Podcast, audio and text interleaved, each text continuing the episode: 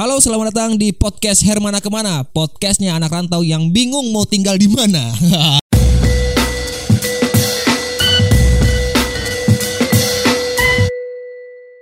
itu dia openingnya masuk sekali ya. uh, kali ini kita bakal bahas seputar susah nggak sih cari tempat tinggal di perantauan? Uh, jawabannya susah sekali karena tidak semua uh, ekspektasi anak rantau itu bakal terpenuhi saat dia menginjakan kaki di perantauan. Seolah-olah ah gampang lah ntar nyari kosan kan di Jakarta itu banyak sekali rumah-rumah kosan tidak segampang itu mencarinya.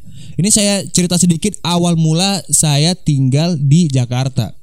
Sebelum saya uh, sampai ke bandara, Bandara Padang, saya sudah mengkontak teman saya yang ada di Jakarta supaya saya bisa menumpang di kosannya dia ya. Jadi sebelum sebelum uh, berangkat ke Jakarta saya kontak dulu itu si Rido Godo nih orang di di belakang kamera ini. Uh, saya kontak dia, saya bilang uh, saya mau numpang tinggal di kosanmu untuk sementara ya hanya sementara saja karena kita nggak boleh lama-lama numpang tinggal di kosan teman kita yang di Jakarta. Jatuhnya pengen numpang tapi dari teman kita menganggap kita adalah benalu. Karena akan mengganggu sekali ya. Jadi waktu itu saya kontak Rido terus Rido bilang oke okay, sip aman-aman gitu. Dan saat di bandara pun saya kembali mengkonfirmasi kalau saya bakal sampai di Jakarta itu uh, malam malam malam sampai di Jakarta saya terbang dengan barang-barang saya sesampai di Jakarta. Oh, saya langsung kontak dia untuk wis saya sudah sampai di Jakarta nih gitu. Dan waktu itu uh, Rido menjemput saya ke bandara Halim Perdana Kusuma. Di otak saya dia itu datang pakai mobil sewa gitu kan atau pakai motor temannya atau motor dia gitu. Ternyata dia naik grab dia dia dia naik grab dari kosannya di Setiabudi saya harusnya sebelum berangkat sebelum sebelum uh, ke Jakarta itu harusnya saya bilang ke dia kayak uh, bantuin ini aja sewa sewa mobil atau sewa motor agar kita lebih gampang. Tapi dia dengan senang hati datang sendiri. Tidak senang hati ya. Tidak lebih terpaksa dari situ saya belajar untuk tidak minta banyak kepada teman-teman yang ada di perantauan. Karena sebenarnya eh, sekarang itu menjadi seperti eh, apa karma bagi saya. Ketika ada teman saya datang dari rantau ke Jakarta terus minta jemput di bandara, saya akan bilang pura-pura sibuk. saya sedang bekerja. Jadi untuk teman-teman yang pengen merantau ke Jakarta, usahakan Anda tidak merepotkan teman Anda yang ada di Jakarta gitu. untuk minimal ya install Grab atau uh, Gojek biar pas nyampe di Jakarta di bandara langsung uh, ke lokasi teman Anda aja pakai aplikasi gitu. Pokoknya mandiri lah, jangan terlalu manja. Saya waktu itu terlalu manja sekali ya. Dan sekarang saya sadar kalau saya itu dulu sangat dibenci sekali. Aduh. Akhirnya eh, Rido sampai di di di Bandara Halim terus dia kayak eh wih selamat datang di Jakarta oh iya terus saya ngeliat hmm, hmm, naik apa naik grab saja oh, oh iya naik grab. Oke oke naik grab. Alamatnya tahu tahu. Udah bayar grab. Eh waktu itu awak nambah tuh gue udah ya bayar Oh saya ya, iya iya iya iya. Dan untungnya saya masih punya otak saat itu ya. Uh, godok pesan Grab, uh, dan saya yang bayar grabnya. Ya iyalah kan saya dijemput. Jadi masa dia juga yang bayar ongkos pulangnya. Saya sudah nggak punya otak itu namanya ya. Akhirnya kita pulang bersama. Saya numpang di kosan dia. Waktu itu dia ngekos di Setiabudi oh sekarang masih? Sekarang masih. Di perjalanan saya merasa merasakan wah ini Jakarta nih. Ini daerah perantauan saya. Wah lihat gedung-gedung tinggi. Untuk anda yang belum tahu ya Setiabudi itu area perkantoran. Itu eh, termasuk daerah apa padat juga kan? Eh, wilayah-wilayah perkantoran di Jakarta di Setiabudi itu banyak gitu juga banyak sekali kos-kosan. Nah, di Jakarta itu eh, kalau mau nyari kosan biasanya nyari di area perkantoran atau area kampus. Nah itu biasanya pasti ada kos-kosan di sana, cuman harganya mungkin eh, tidak sesuai dengan kantong anda ya. Jadi waktu saya dalam perjalanan sampai di eh, kosan Setiabudi, saya melihat waktu saya turun turun dari mobil, saya melihat kosan saya kosan si Rido itu sangat berbeda dari bangunan-bangunan sebelahnya. Jadi kalau misalnya Anda melihat uh, kosan di sebelahnya itu kayak uh, hotel mini hotel kayak Oyo kayak uh, apa Red Doors kayak rumah-rumah homestay gitulah lebih tertata lebih ini niat ini adalah sebuah kosan gitu. Nah kosan Rido itu kayak rumah warga. Rumah warga yang dua lantai dipaksa jadi lantai empat. Jadi bagian atas itu ditambah-tambah lagi. Kalian mungkin sudah membayangkannya terus dari awal saya mulai merasa kayak ah oh, ya udahlah. Orang saya numpang kenapa harus komplain bentukan kosnya sih? Karena di ekspektasi otak saya adalah kosan di Jakarta itu ya seperti kosan-kosan yang oke okay lah gitu. Bayangannya seperti uh, rumah satu pintu apa rumah masuk tapi situ ada kamar-kamar yang cukup ya bayangan kos-kosan uh, kayak rumah kayak hotel kayak Red Doors yang itu tadi lah bayangan saya di Jakarta ini. Ternyata di Jakarta ada yang, yang seperti rumah ya. Akhirnya saya masuk ke lorong-lorong masuk ke uh, kosan itu sampailah kita di kamarnya Rido. Hmm. pas pintu dibuka Rido masuk saya masuk koper masuk dan penuh karena kosannya kecil sekali kecil sekali ya Allah. Itu adalah kosan paling sempit yang pernah saya lihat. Bahkan kamar mandi hotel pangeran pun lebih luas daripada itu. Kosan itu ukurannya dua kali dua setengah ya kan? Dua kali dua setengah gitu. Jadi waktu itu saya numpang uh, Rido tidur sebelahnya ada saya sebelahnya itu meja lemari satu paket dengan bagasi tadi. Jadi koper tadi itu udah penuh kondisinya ya. Saya tidak bisa. Bahkan kalau misalnya dia bangun terus harus menginjakkan apa ngelangkahin saya dulu untuk pindah-pindah ngambil barang dan lain-lain gitu. Emang sulit sekali. Dan itu eh, wah, kitchen kan? Wah, ini kosan sempit sekali ini apa ini? Terus saya tanya Eh, penasaran harganya berapa dia bilang 800 ribu. Oh? 800 ribu untuk sebuah gudang berukuran dua kali dua setengah? Anjing langsung berespektasi kan? Waduh ini kosan di Jakarta mahal banget ini ternyata. 800 ribu cuman seperti ini gitu. Karena kalau kita uh, mengcompare untuk di daerah melihat untuk dari dari dari daerah 800 di daerah itu kita sudah bisa mendapatkan rumah kontrakan. itu rumah. Ada ada ruang tamu, kamar, dapur, eh, kamar mandi, bahkan kita masih punya daerah sedikit itu namanya halaman rumah. Ini 800 ribu hanya kamar berukuran dua kali dua setengah. Sungguh sempit sekali. Terus setelah sampai di sana kita makan ya, kita cari makan kita cari makan dan waktu itu saya makan di dekat sana itu ayam bakar masih ingat? Ayam bakar dan satu hal yang membuat saya berpikir wah saya harus bisa hidup di Jakarta. Ketika saya mencoba memakan nasinya. Nasi di Jakarta itu lembek-lembek atau biasanya disebut pulen Sedangkan di daerah saya di Padang itu nasinya itu uh, apa itu namanya? Berdarai. pera, pera. Di sini tuh orang suka nasi yang pulen gitu. Sedangkan saya kurang cocok dengan nasi pulen. Bukan berarti nasi pulen gak enak ya. Tapi karena saya emang nggak suka aja dengan nasi pulen. Jadi itu masalah personal. Tapi setelah makan itu akhirnya saya merasa kayak wah saya harus belajar ini nih gitu. Balik lagi ke pembahasan soal mencari tempat tinggal karena hari itu saya numpang cuman datang malam kan? Datang malam. Besok paginya saya pergi ke tempat teman saya yang lain Andre. Dia sudah dulu di Jakarta. Beda dua bulan atau sebulan gitu. Kami bertiga saya Andre dan Rian berencana pengen tinggal satu kontrakan biar pertama hemat budget.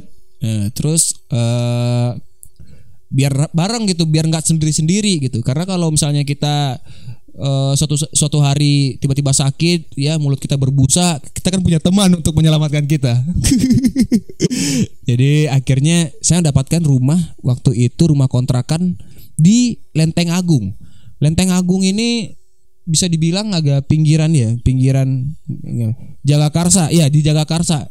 Lenteng Agung itu jalan dari Jakarta Selatan ke Depok.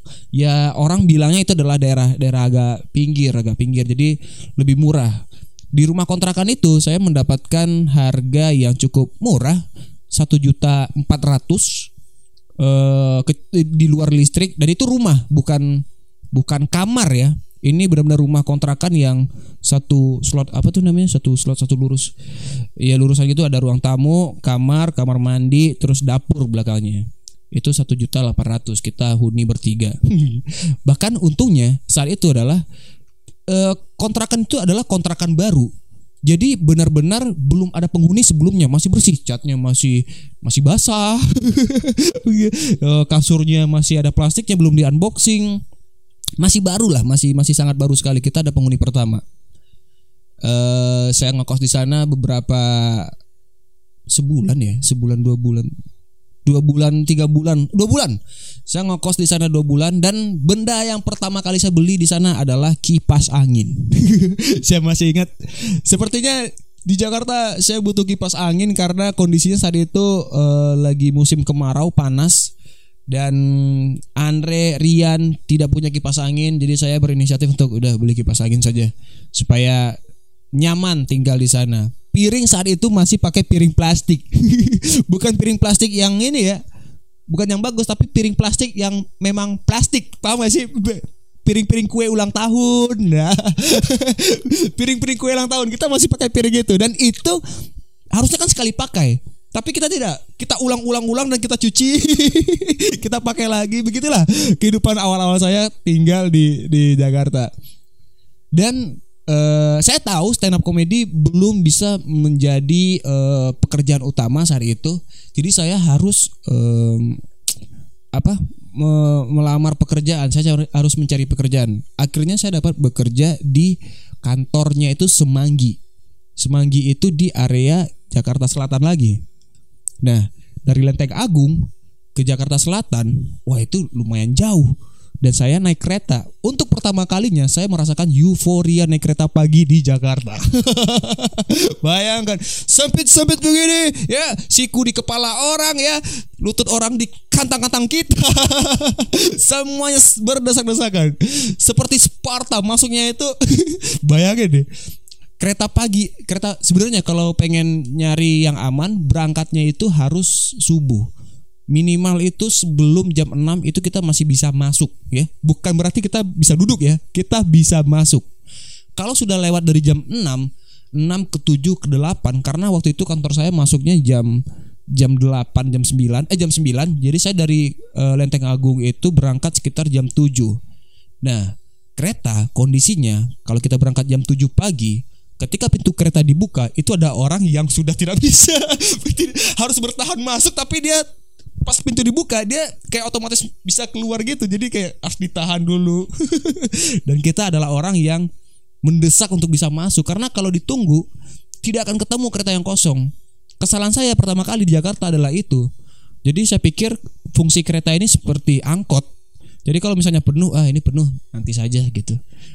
Lewat lagi kereta oh masih penuh ntar aja itu lama kelamaan penuh semua nih. Nggak masuk masuk kerja nih. Akhirnya ya udahlah akhirnya saya Spartan berusaha untuk masuk. Ya saya ingin bekerja saya juga. Ini Jakarta gitu. Aduh. Akhirnya karena menurut saya saya belum siap dengan itu saya tidak terbiasa dengan itu akhirnya saya memutuskan untuk pindah kosan lagi dari Lenteng Agung ke kosan Setia Budi yang tadi. Dan saya tidur di kamar yang sama. Saat itu Rido sudah pindah ke kamar yang lain yang lebih nyaman. Saya mengambil kamar Rido tersebut. Dan saat itu harganya tiba-tiba naik jadi 850 kan anjing. sudah jadi kamar ukuran dua kali dua setengah, harganya delapan setengah tapi karena lebih efisien dan dekat ke kantor menurut saya ya udahlah daripada saya harus naik kereta pagi-pagi ya kan apalagi uh, perantau bagi saya sendiri saya belum siap untuk menjalani aktivitas seperti itu mungkin waktu itu saya pikir butuh keterbiasaannya Tapi sepertinya saya sudah mengambil sikap untuk saya tidak akan merasakan ini. saya tidak mau seperti ini. Lebih baik saya cari kosan yang lebih dekat gitu. Karena di Lenteng Agung waktu itu satu juta empat ratus kita masing-masing tuh bayar lima ratus. Nah jadi saya menambah biaya tempat tinggal itu 800 350 untuk tidak naik kereta seperti itu. Menurut saya ya ini cukup fair lah. saya tinggal di sana, kamar mandi di luar dan kondisi kamarnya itu sempit. Bayangin dua kali dua setengah.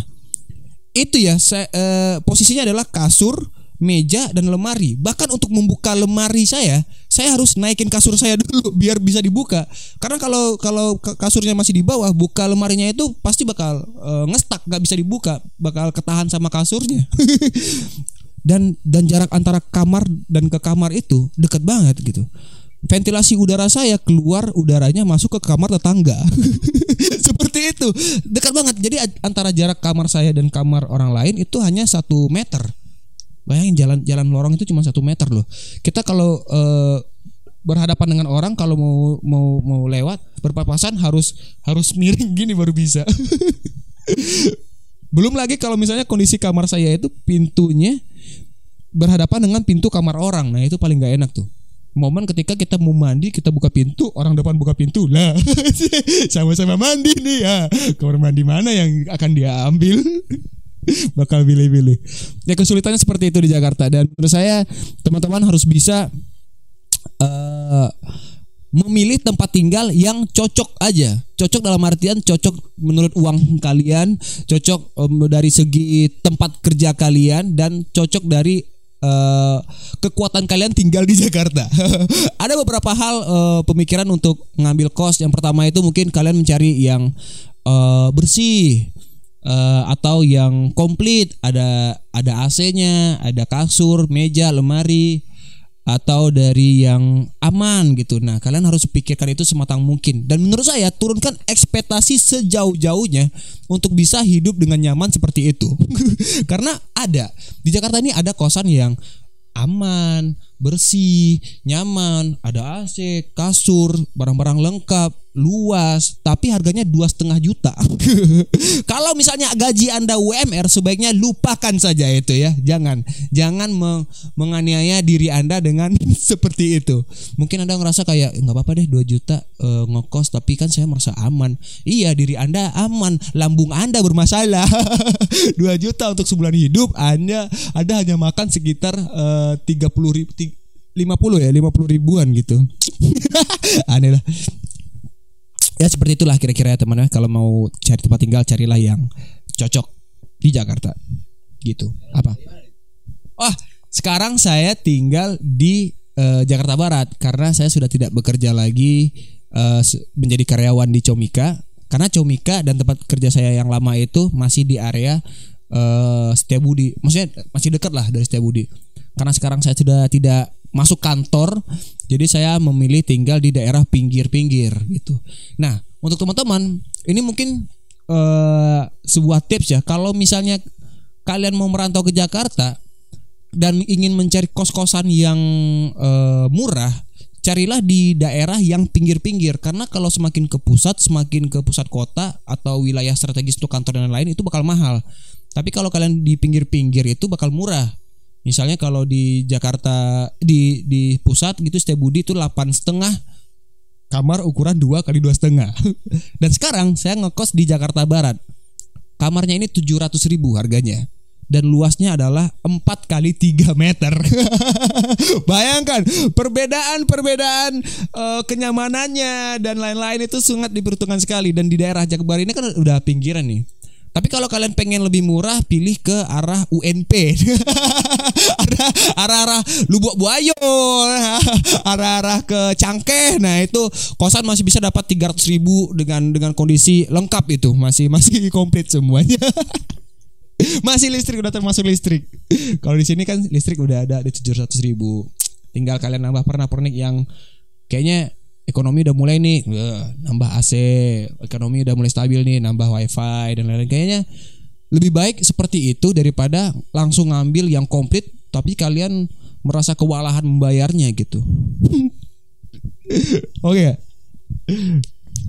mm, apalagi nih, masalah yang penting itu kenyamanan atau memang budget. Ini nih ini adalah problematika anak kos baru di Jakarta Oh, enggak sih, saya pulang kerja capek yang penting saya bisa tidur. tidak saat itu saya tidak peduli dengan kenyamanan mau mau di kamar. Oh, waktu di Setiabudi itu kosan saya itu penuh penuh dengan kutu. Bayangkan teman-teman. Tiba-tiba ada merah-merah Bentol-bentol Anjing ini kenapa? Pas di kasurnya diangkat Di paling ujung Wah ada kutu-kutu. Kutu-kutunya itu bukan kutu kecil Yang rambut kutu tuh sedang jempol. Gede-gede bro. Nah, Menurut saya adalah Untuk teman-teman yang Merantau ke Jakarta Dan bekerja berat dalam artian mungkin kalian masuk pagi keluar eh, pulang malam gitu. Apakah eh, dampaknya itu baik untuk eh, memilih kosan yang nyaman. Ya menurut saya batasi rasa nyaman kalian dengan uang saku kalian. Ya ya. Kalau misalnya kalian bekerja di Jakarta uangnya nggak banyak banyak banget turunkan ekspektasi kenyamanan kalian ya. Jangan pikir kenyamanan kalian itu kayak nginap di hotel jangan nginap di wisma di villa jangan seperti itu. Kalau misalnya anda masih dibayar UMR pilihlah kosan dengan harga di bawah satu juta ya. Jangan terlalu sok keren merasa tinggal di Jakarta. Wah kosan saya mewah ini jangan.